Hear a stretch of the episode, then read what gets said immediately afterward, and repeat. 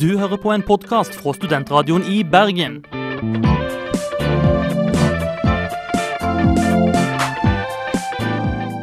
Denne og mange andre flotte podkaster finner du på podkast.srib.no.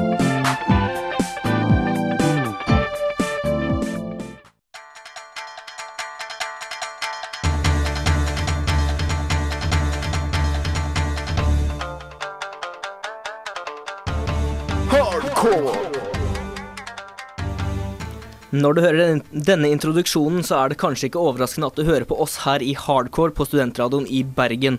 I dag har vi mye morsomt å snakke om, bl.a. en ny Wii-konsoll. Vi skal også få høre hvordan eh, det er å spille Fifa 12. Og så har vi det egentlig ganske kult. Jeg er Lars Solbakken. Jeg er Marius Hjørmo. Og jeg er Rolf Torén.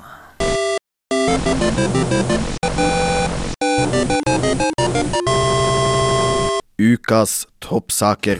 Uh, Denne uken her så har vi noe morsomt å snakke om, har vi ikke det, Marius? Det er, det er jo det som alle prater om. Uh, det er jo selvfølgelig uh, den nye Wien. Den er blå! ja, den er blå, Den, den er blå.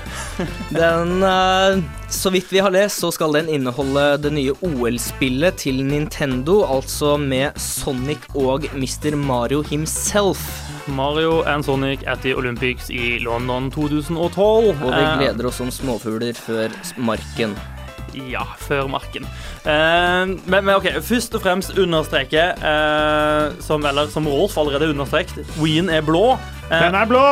den er blå. Den er blå. Og det er også det eneste eh, som er annerledes med denne. For det er en helt ordinær Nintendo Wii. Det er ikke noe, noe ny hardware eller noe sånt. Det er bare ny farge. Og den er heller ikke blå som Sonic. Den Eller er faktisk bare blå. Den, den er litt sånn lyseblå turkisaktig, og det er jo egentlig ikke spennende i det hele tatt, men det kommer sikkert til å selge som hakka møkk blant småbarnsforeldrene. Ja, altså Den kom i en fin pakke Da er det bilde av både Mario og Sonic som, skal, som skal til OL i London. Eh, dette her spillet, da Jeg, jeg syns det er mer interessant egentlig å prate om Mario og Sonic enn det å prate om en blå We, we er Ja. Eh, men, men dette spillet er jo eh, altså, det, det er blitt litt sånn der, eh, Det er jo ingen anmeldere som liker dette spillet. Eh, og grunnen til det eh, kan være to. Det ene kan være at de syns spillet er forferdelig dårlig. Det er jo en ting. Men det andre kan også være at det understreker så godt eh, at det er ikke alltid det anmeldere sier har så forferdelig stor betydning. Fordi at selv om alle anmeldere hater dette spillet, så kjøper jo folk det som bare juling. Og hvorfor gjør de det?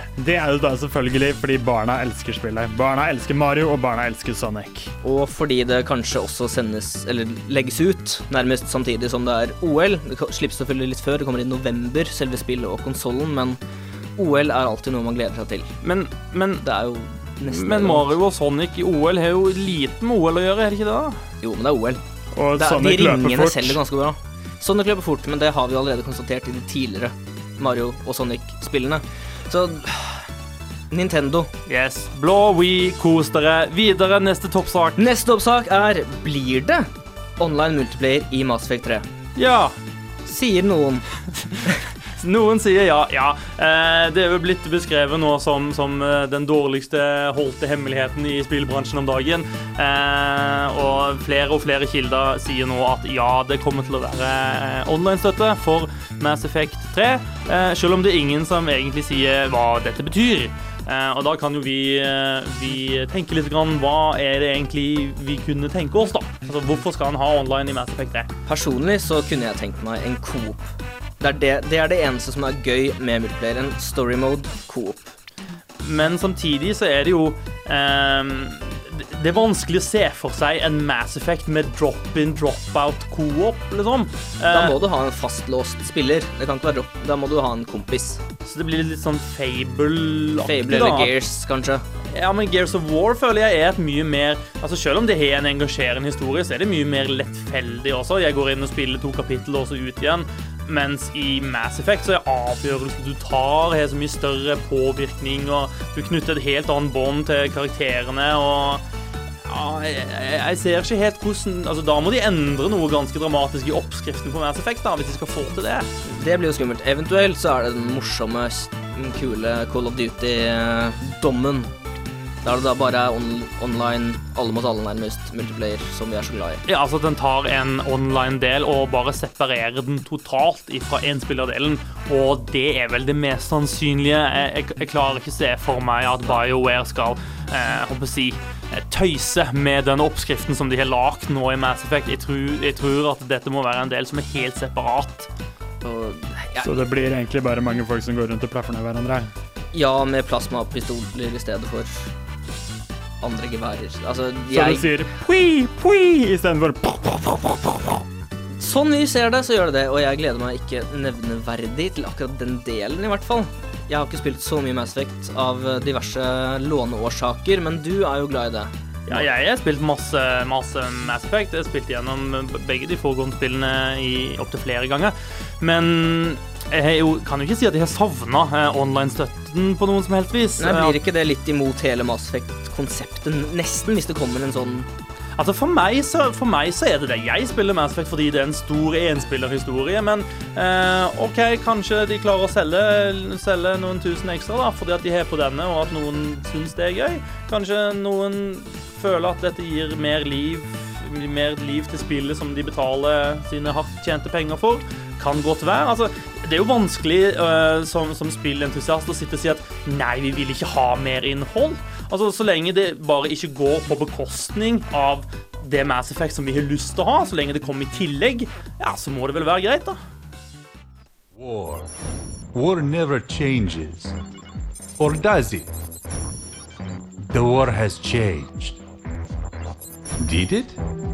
The answer is no. Unless it is yes. No, of course it is. It's war. Yes. No. Yes? Det er kanskje ingen hemmelighet at jeg kanskje muligens ikke er noe veldig fotballfan. Uh, det fører selvfølgelig inn på Fifa 12, som kom nettopp. Mitt eneste forhold til Fifa-spillene selv er var det Fifa 98 på Nintendo 64, da jeg ble med kompiser hjem og var tvunget til å spille det. Eller da jeg testet en PlayStation på jobb her for noen uker siden. Men noen andre her i studio er ganske glad i denne serien. Det er vi. Eh, vi har jo også fått inn min eh, Fifa-kumpan eh, Johan Greif inn i studio. Hei sann, sveisann. Neimen, hei. Neimen, hei. Eh, Fifa 98 nevnte du. Det var jo en, en, oh, det er en veldig god årgang, Fifa. Det var den siste Fifaen som hadde innendørsmodus. I wouldn't know. Eh, nei, du, du vet ikke hva du har gått glipp av, men eh, du og meg Johan, vi har spilt eh, Fifa 12 en god del i det siste. Um, og det er jo- det én ting som er, som er helt åpenbart den store forandringen fra forrige utgave. Det ene det er forsvarsspillet. Uh, uten tvil, det er gjort helt om. Uh, de utviklerne fant ut at folk ikke egentlig spilte spillet når de spilte forsvar. De bare lente seg tilbake, holdt inn A-knappen og sendte ut forsvarerne som varmesøkende missiler. Eh, men nå er det gjort om, sånn at nå må du faktisk eh, styre eh, spillerne dine i forsvar og gå etter løp og den type ting. Dekke opp i rom, akkurat som du må gjøre når du spiller forsvar på ordentlig. Altså Det er mer fokus på hva du gjør når du ikke har ballen, rett og slett. Bevege spilleren sidelengs, prøve å eh, følge banen til den angripende spilleren, slik at du hele tiden står imellom spilleren som angriper, og målet der spilleren ønsker å komme. Eh, så det er liksom å få til den bevegelsen og ikke bli lurt vekk av fintene til angriperen. Og det er ikke helt lett. Nei, nei, det er ikke det. Uh, uh, vi har vel gått på noen ganske pinlige tap, eh, både du og meg, uh, i, det her, eh, i det her spillet. Og det av og til så er jo forsvarsspillet ganske så vanskelig å, å få til. Men det er veldig morsomt når du faktisk da får til det, for da føles det som om du faktisk har gjort det sjøl, og at ikke maskina gjør det for deg. Det er sant. Men det tar litt tid. Spesielt sånn i begynnelsen så følte jeg at den mest effektive finta for å lure ut meg i forsvarsspillet, var å springe rett frem. Ja, da kom du rett igjennom. Ja, i, I tillegg til den eh, store forsvarsforandringen, så er det en ny fysikkmotor. Eh, som gjør at uh, denne gangen så er det da mye større forskjell på om du spiller med en stor spiller versus en liten spiller. eh, og at da fysikken, altså kroppene, går på en måte inn i hverandre, og det vil reagere mer som ordentlig, da. Sjøl om det er en del komiske situasjoner, fordi den fysikkmotoren ikke er helt perfekt. For det det er litt sånn litt gøyal akrobatikk eh, som vi får oppleve. og Spesielt når spillerne sånn, litt sånn uheldig takler sine medspillere og sånt. nå, altså Plutselig så flyr spillere rundt i lufta. Eh, det fører til festlige øyeblikk. Ikke nødvendigvis de mest realistiske, men eh, syns du dette gjør noe for, for spillet, denne fysikkbiten her? Uh, ja, det det. Jeg syns det, det gjør det bedre. Både det og forsvarssystemet gjør det morsommere. Det føles mer som ekte fotball, mer urealistisk.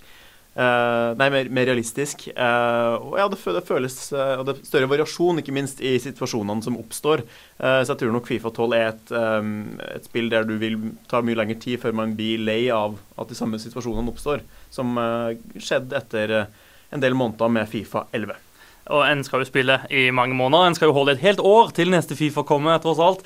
Eh, men hvis vi går litt vekk fra selve kampene og ser litt mer på hele pakka Fifa eh, Nå har de jo inkludert denne Ultimate Team-modusen for første gang i det originale spillet. Du trenger ikke laste det ned tre måneder senere. Uh, I tillegg så har de De forsøker å gjøre det enda enklere å spille online mot venner og slike ting. Hvordan syns du det fungerer? Uh, det fungerer fint. De har gjort om noe så at alt er, on, uh, det er ligabasert. også når du spiller mot en venn, så vil det da være en, som om du spiller i en liga. og når du spiller da online mot folk du ikke kjenner, så vil det da være et ligasystem der du må få så og så mange poeng for å rykke opp en divisjon. Uh, og det gjør det mye mer spennende. Det føles mye mer som om den kampen du spiller, betyr noe. Uh, I den uh, store sammenhengen, da, i forhold til tidligere, der det bare var enkeltkamper. Og I tillegg så får du da erfaringspoeng for gud bedre alt du gjør. Hver gang du starter Fifa, så får du erfaringspoeng fordi at du starter Fifa. det er jaggu meg ikke lite du får poeng for, men hva føler du disse poengene at du går opp i level, gjør noe? Føles kanskje litt, uh, litt billig, kanskje. Uh, får, sånn, vi, vi, moderne gamere er fryktelig lat når vi må ha XP for å starte spillet, uh, som du sier. Hva er det her for noe? XP, erfaringspoeng i et fot... Prøver den å trekke inn oss hardcore rollespillere også, eller hva, hva er det her for noe?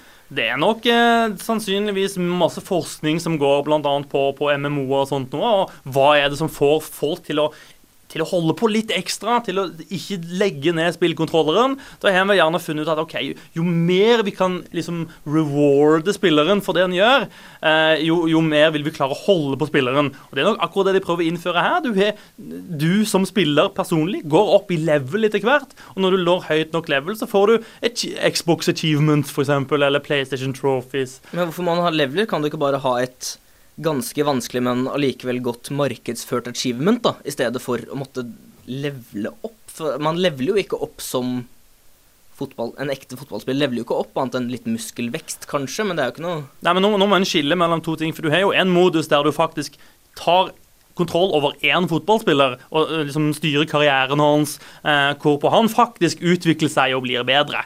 Det er en egen modus. Mens dette her med erfaringspoengene, det er, det er det ikke en spiller som får. Det er det du som får. Du som dataspilleren. Enda du går opp i level. Enda mer meningsløst. Ja, det kan man kanskje si. Men det nye her er jo også at du skal jo kunne bruke det nå over alle de fremtidige Fifa-spillene også. Så, så den uh karakteren du får nå, altså de poengene du får nå, skal du da ta videre når du spiller da Fifa 13 og 14 og 15? Og... Som fire år så er ja. vi level 999, og du kan bare sitte der og være kjip og ikke spille Fifa. Ja, Eller spille et kult spill hvor man har vanlige leveler. Dette med overføring sa de faktisk om Two Human også. Det, og vi gleder oss masse til Two Human 2 kommer, og vi kan få til dette. Give us the blessing of ignorance. The happiness of oblivion. Innocence can only be tainted, never returned. Hardcore. Som vi allerede har hørt, så har jo Marius spilt en god del Fifa 12, men vi andre her i studio, altså Rolf og meg, hva, hva er det du har spilt, Rolf, i det siste? Nei, jeg har spilt en del iPhone, da, hvor jeg har spilt Falling Fred Sea. Hva er det for noe? Nei, Det handler da om en uh, zombie som faller nedover i en brønn. Så skal du prøve da å unngå alle disse øksene og sånn som flyr innimellom. Som, som de jo gjerne gjør i brønner? Ja, alltid. Det høres jo litt ut som en omvendt versjon av uh, spillet The Incident, der man da skal unngå ting og klatre oppover stedet. Det vet ikke om det er så mange som har spilt det, jeg har bare spilt et par minutter selv, men Ja, men her slipper man da klatringa, så kan man bare lene seg ned tilbake og falle ned istedenfor. Bruker den gyroskop, eller har den noe sånn onscreen uh... Nei, den bruker den da tilting-funksjon. Tilting-funksjon, ja. Um, Personlig så har jeg spilt to ting i det siste. Altså jeg har egentlig hatt en stor arbeidshelg og mye skole selv. Uh, Det er ikke unnskyldning god nok til å la være å spille. Nei, altså. så nettopp siden jeg hadde mine svigerforeldre på besøk for å sette opp billigbokhyller og gardinstenger, som vi følte var på sin plass etter et år i leiligheten, uh, så har jeg faktisk gjort noe så spesielt som å spille Portal 2 med min kjære svigerfar. Med din svigerfar? Med min svigerfar. Hva er alderen sånn rundt cirka på han? egentlig? Han er vel hvor gammel 42, kanskje, muligens? ja, såpass- ja, men relativt ungdommelig svigerfar, da. Ja, og han har jo et fantastisk spillrom nede i kjelleren sin med HD-prosjektor og 7.1-anlegg, men Bruker han det rommet som, som Han bruker det sammen med sin sønn. Um, av og til. For det meste er det da sports- og bilspill. Han, men noe jeg heldigvis fant ut av da jeg foreslo Portal, er at han liker jo helst spill man kan spille toplayer. Kult. Det passer jo veldig bra siden Portal 2 har en fantastisk toplayer-modus. Mm. Det, så selv, og han er veldig glad i fysikk og sånne greier også. Det, det passet bra. Jeg måtte som regel forklare hva man skulle gjøre på alle levelene. Men vi hadde det ganske morsomt. Men fikk dere hengt opp eh, gardinstenger og bokhyll og Overraskende nok så gjorde vi det. Det. Altså, når klokka slår 11, så er det liksom ikke helt lov å bruke så mye stikksag og drill og sånt, så da kunne vi like godt bare hoppe over. Ja. Ja. Til alle dere lutter der ute, ta, lær av, av denne gutten. Det, det er jaggu men ikke mange som klarer å klemme inn en god del spilling når han er på besøk hos svigers.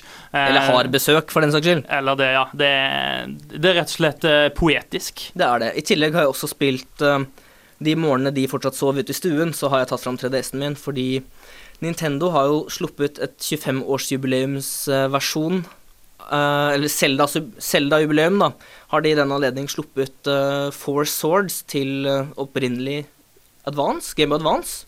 Har de da sluppet til gratis til 3DS. Så det er jo morsomt. Man kan vel spille det multiplayer også, sånn hvis flere mm, kompiser tar med 3DS-en sin.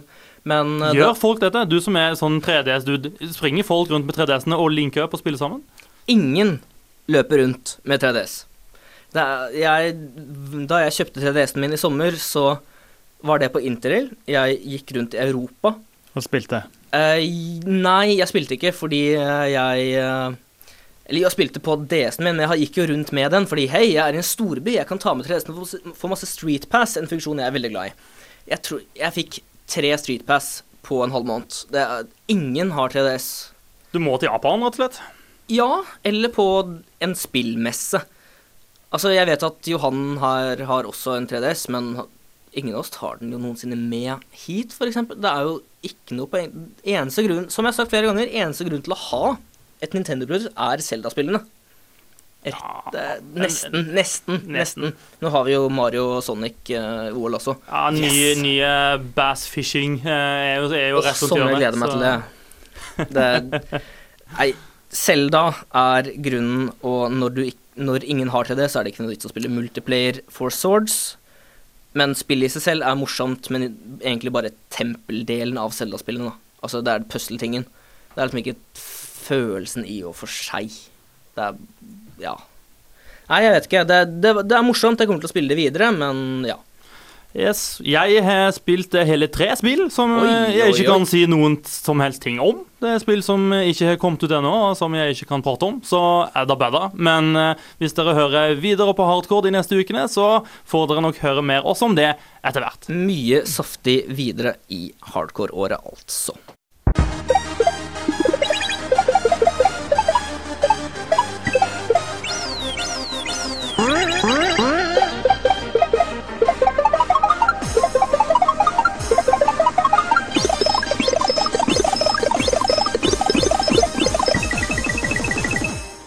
Nok en uke har vi flotte, denne flotte serien fra Johan Lavrans Greiv, som vi hørte nå i stad, og deg, Marius Kjørmo. Det om digital kultur. Hva er det vi kommer til å høre denne uka her? Yes, Digital kultur nå og i fremtiden, en eh, dokumentarserien vi har gående. Eh, I dag har vi kommet til eh, kontroverser i eh, dataspillhistorien. Eh, der vi Du vil bl.a. få høre om vold og sex. Eh, og vi har prata Det er det vi liker. Ja, ikke sant? Eh, det er det alle liker. Eh, du vil bl.a. høre fra Chris Avalone, eh, som jobber i Obsidian Entertainment, og er personlig en av mine helter. Han har jo designa Planescape Torment og Fallout New Vegas og sånt. Eh, og vi har også prata med Juan Benito, som var eh, sjefsdesigner på Six Days in Fallujah, som ennå ikke har kommet ut. Skulle det komme ut i det hele tatt? De jobber med saken, De jobber og de saken. håper at det kommer ut snart. Da gleder vi oss til dette flotte innslaget. Hardcore presenterer en dokumentarserie i samarbeid med Medietilsynet. Digital kultur nå og i fremtida.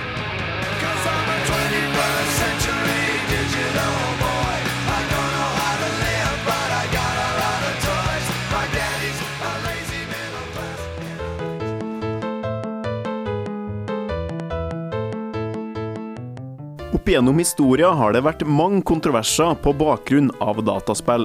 Noen av de største konfliktområdene har vært bruken av vold og sex, og i denne episoden prøver vi å finne ut av hvorfor dette har skapt så mye harme. Spillforsker Jørgen Kirksæter er veldig klar på hva som har vært de største og viktigste kontroversene. vold er den åpenbart største og oftest refererte kontroversen. Eh, og, og altså, Bakgrunnen for at vold er i spill, er jo en, det er en forholdsvis diskusjon. Men uh, i det øyeblikket du får fiksjonsvold eh, projisert på en skjerm, så er det alltid noen som reagerer på det. Eh, med rette eller uten rette. Eh, sånn at det i seg selv er en, et potensielt problemområde. Dernest så har du det med sex. I det øyeblikket sex dukker, inn i, dukker opp i funksjonen, så får du den av og til kortslutninga at, at siden spill bare er for barn, så er det upassende med sex i det, denne type produkter. Eh, og det, det er en klassisk eh, tenkemåte. Du ser den veldig ofte hos dem som ikke spiller selv, eller som eh, har spilt for 20 år siden, som ikke tenker på at eh, dem som spilte for 20 år siden, gjør det fortsatt og faktisk har blitt voksen. Og Det gjelder jo for så vidt også voldsdebatten, selv om den er litt annerledes. Eh, men eh, hvis vi skal se generelt på det, så er det jo, er det jo en påvirkning. At, at spillet eh, gjør noe med spilleren som er uheldig. Det er en fryktelig lang og stor og av og til litt vond diskusjon, i hvert fall slitsom innimellom, eh, som vi ikke er ferdig med. Forfatter Tristan Donovan trekker fram det han mener er den viktigste konsekvensen av kritikken mot voldelige dataspill. I think in terms of the history of games, um, the US Senate hearings in 1993 that happened after Mortal Kombat are probably the most important. Um, what resulted from there was the introduction of age ratings sort of for video games in the US. It was wasn't a compulsory system; it was an optional one adopted by the industry. But and I'm sure the senators didn't want this to happen. But what it actually did was allow the industry to go, well, now we've got an age rating, we can make a game aimed at people who are 18 and over. We don't have to make a game for everyone. And so, where before they used to be quite cautious about making games with violence, it kind of actually helped them go go out and make games with, you know, more content that isn't suitable for children. So, you know, it kind of opened the doors in an odd sense for more violent games, um, which I'm sure the Senate didn't have in mind. But, um, you know, it, it meant the industry felt confident because it could always point to an age rating and go, well, it says 18 on the box, you might have bought it for your nine year old, but, you know, we did warn you. So I think, you know, in the history of games, that the result of those hearings is definitely the most important. Det er to viktige aspekter når et dataspill er under utvikling. Det ene er det kommersielle aspektet, hvor målet er å tjene penger, og det andre er det kunstneriske, hva man ønsker å formidle. Chris Avalon, sjefsdesigner i Obsidian Entertainment, forteller om hvordan dette skillet ofte er delt på utvikler og utgiver. Han forteller òg om utfordringene en har når en skal takle kontroversielle tema. I would argue that uh, mainstream movies um, still have to stay away from controversial topics in general. Um, you sort of have to aim for the, the mass mass you know the mass audience. Um, I think that independent films can get away with exploring uh, some of the more delicate issues, uh, but that limits the market uh, that will watch them. Um, I think the same thing is true about games, and no publisher, I think, is going to want to restrict their audience if they don't have to.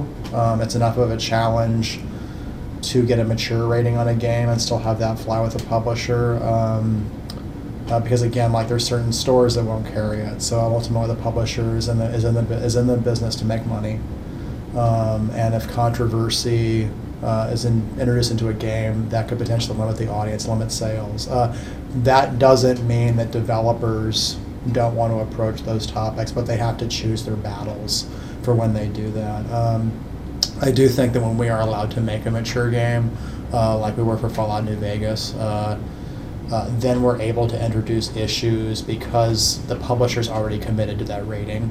So it's fine in that instance. Um, also, I think there's other subjects like um, like religion, for example, uh, which I think we were able to explore, like in the in the second Fallout New Vegas DLC, Honest Hearts, uh, because it was a DLC. It wasn't so much. Um, it was a little bit lower on the radar, I guess is the best way to explain. Like the, the publisher doesn't care so much about that, so therefore it's okay to introduce it in that medium. So I guess what I'm, what, what I'm trying to say is, in more more indie games or ones that are released for free or ones that basically you don't have to worry so much about the profit you're drawing in, or um, then it's probably easier to bring across topics like that. But I think ultimately publishers are just afraid of the bottom line when it comes to so. And ultimately, when you introduce controversial topics like that, you also have to decide whether you're doing that for the sake of entertainment or whether you're trying to bring it up for a serious issue.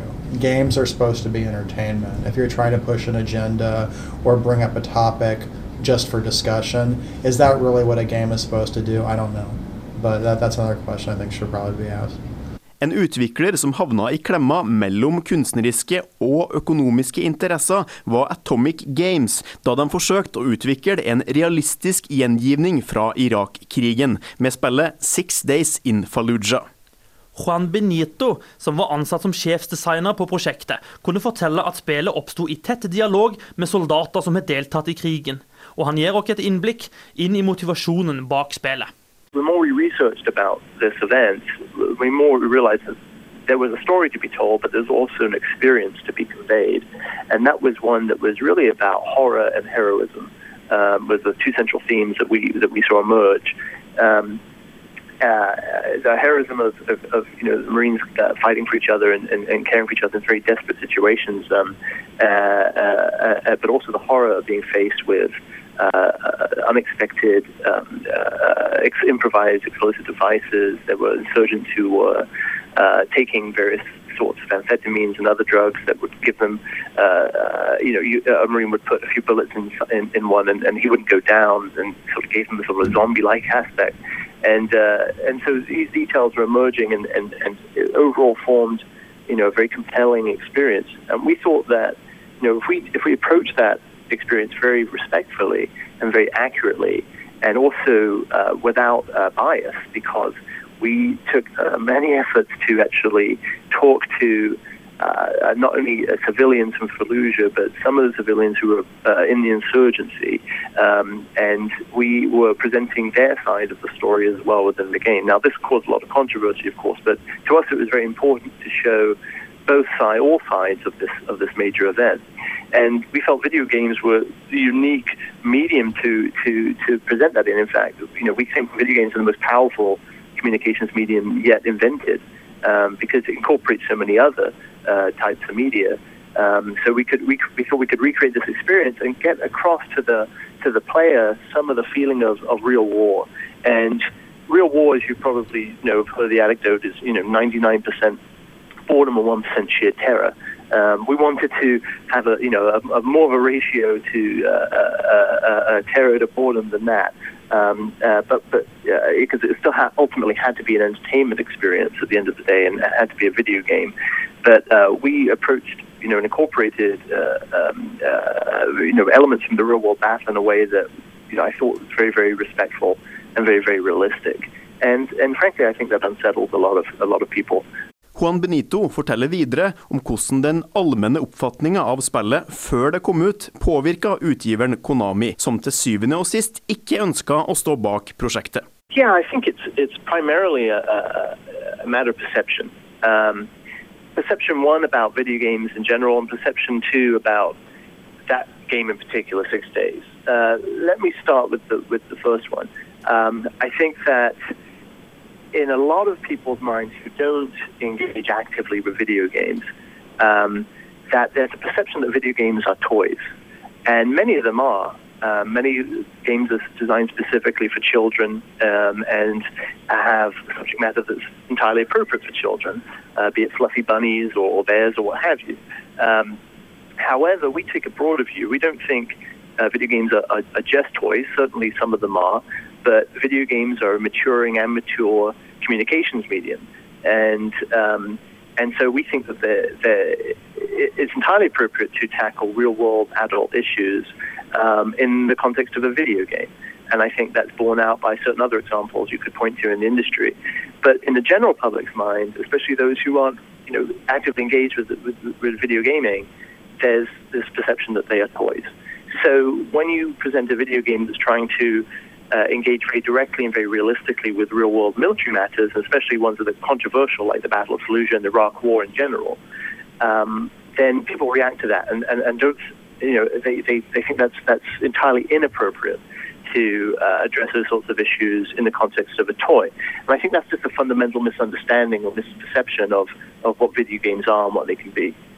Um, now, in particular to Six Days in Fallujah, uh, I think there were some problems around the messaging um, of the game. I think there was a bit of a disconnect between Atomic and how we thought of the game and, and Konami, the publisher. Um, uh, uh, one of the, you know, there was someone quoted as saying it's just a game, and and for us, no, it wasn't. It's it, it is a game, yes, but it's also an interactive recreation, and we looked at it much more as actually the first video game documentary, the first documentary that you could actually play. But to approach it with that same kind of seriousness and accuracy as you would expect from from, from the best documentaries. Um, so when we were saying things in the in the press about we, we, you know we're recreating this real event with real Marines, and we've also spoken to to the, the opponents on the other side there were certain families and certain organizations around veterans and, and people who had, had, had, died in combat, fantastic organizations, that they um, decided, sight unseen of the game, to start talking to the press about how they oppose it. And that was very unfortunate because by the time we realized who, who, you know, who was saying this, who these people were, the message was out there. And after the fact, once we showed them the game and how we were approaching it, they, they completely changed their, their, their attack on it. But of, of course, at that point, um, the damage was done, and the misperception was out there in the press, and, and I think that created a lot of heat for the publisher Konami that they they didn't want to have to to, to deal with, and uh, they pulled back from from the game. Chris Avalon har etter mange års arbeid opp mot de store internasjonale utgiverne blitt veldig bevisst på bruken av vold i spillene sine. Uh, very conscious, and uh, I'll I'll be honest. The reason that we we put so much attention on it is because it's a global product, um, and not every country's uh, approach to violence is the same.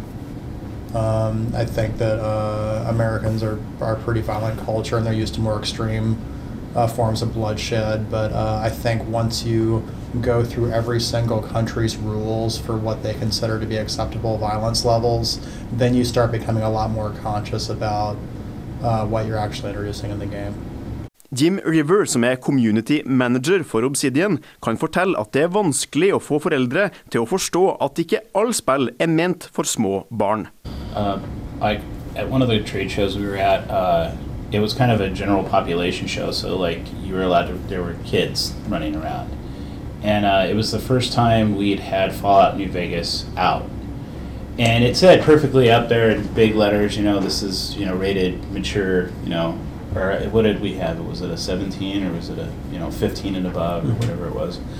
And uh, this eight or nine year old kid uh, had like the gun trained on this kid on this person's head and then hanging over and he's all look dad look what i did. And like i'm sitting there looking at like the people going you know hey you know this is not cool. You know you shouldn't be you know letting your kid do this. But dad thought it was funny. Thought it was cool. So i can't go in there and tell them not to So uh, I think uh, comic books have the same challenge, um, and I think what ends up happening is that there just has to be um, some um, some signature work that comes out or a signature series that comes out where people realize that the content being created is adult, and I don't mean adult in the sense of like you know gore everywhere, you know, and sex everywhere. I mean the sense of like what. Um, what the what Vertigo did for the DC Comics line, where they're like, you know what, we are just going to publish a series of mature stories,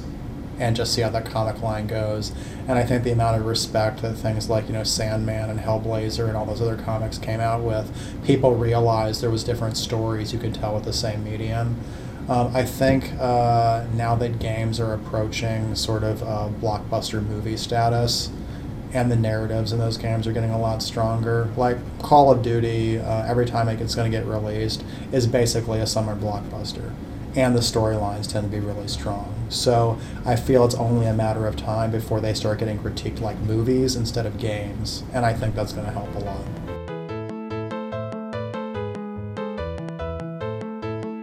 I denne episoden har du fått høre om noen av de viktigste kontroversene i dataspill, og hvordan noen av utviklerne tenker om denne typen innhold.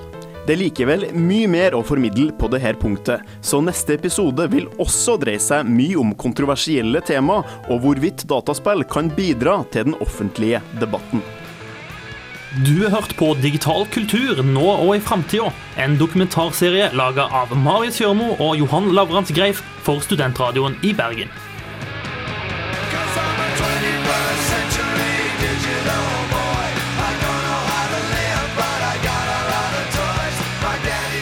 Neste episode vil også ta for seg kontroverser, og vil søke å belyse spillenes plass i samfunnsdebatten.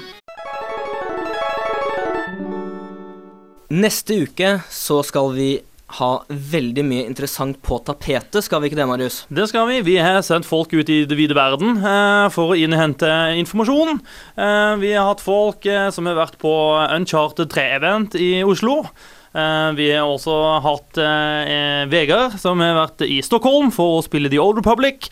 Eh, og vi satser på at de kommer levende fra disse eh, utfordringene og kommer tilbake og kan fortelle om det i neste uke. Sannsynligvis overlever de nok. Vi kan håpe. Vi satser på det. Men som vi kom litt grann frem på, så snakket vi allerede om neste uke, og det betyr jo faktisk at vi er ferdig for dagen. Det gjør det.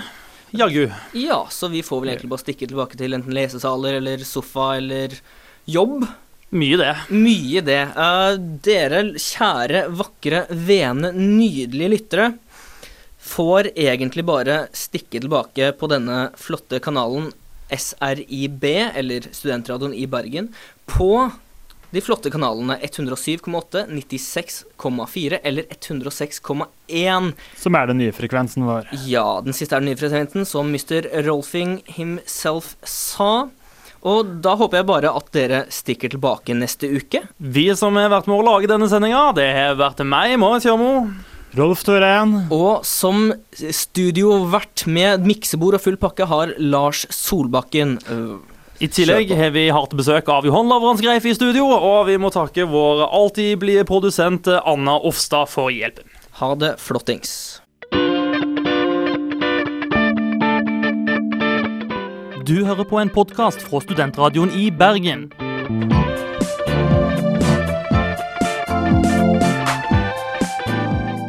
Denne og mange andre flotte podkaster finner du på podkast.srib.no.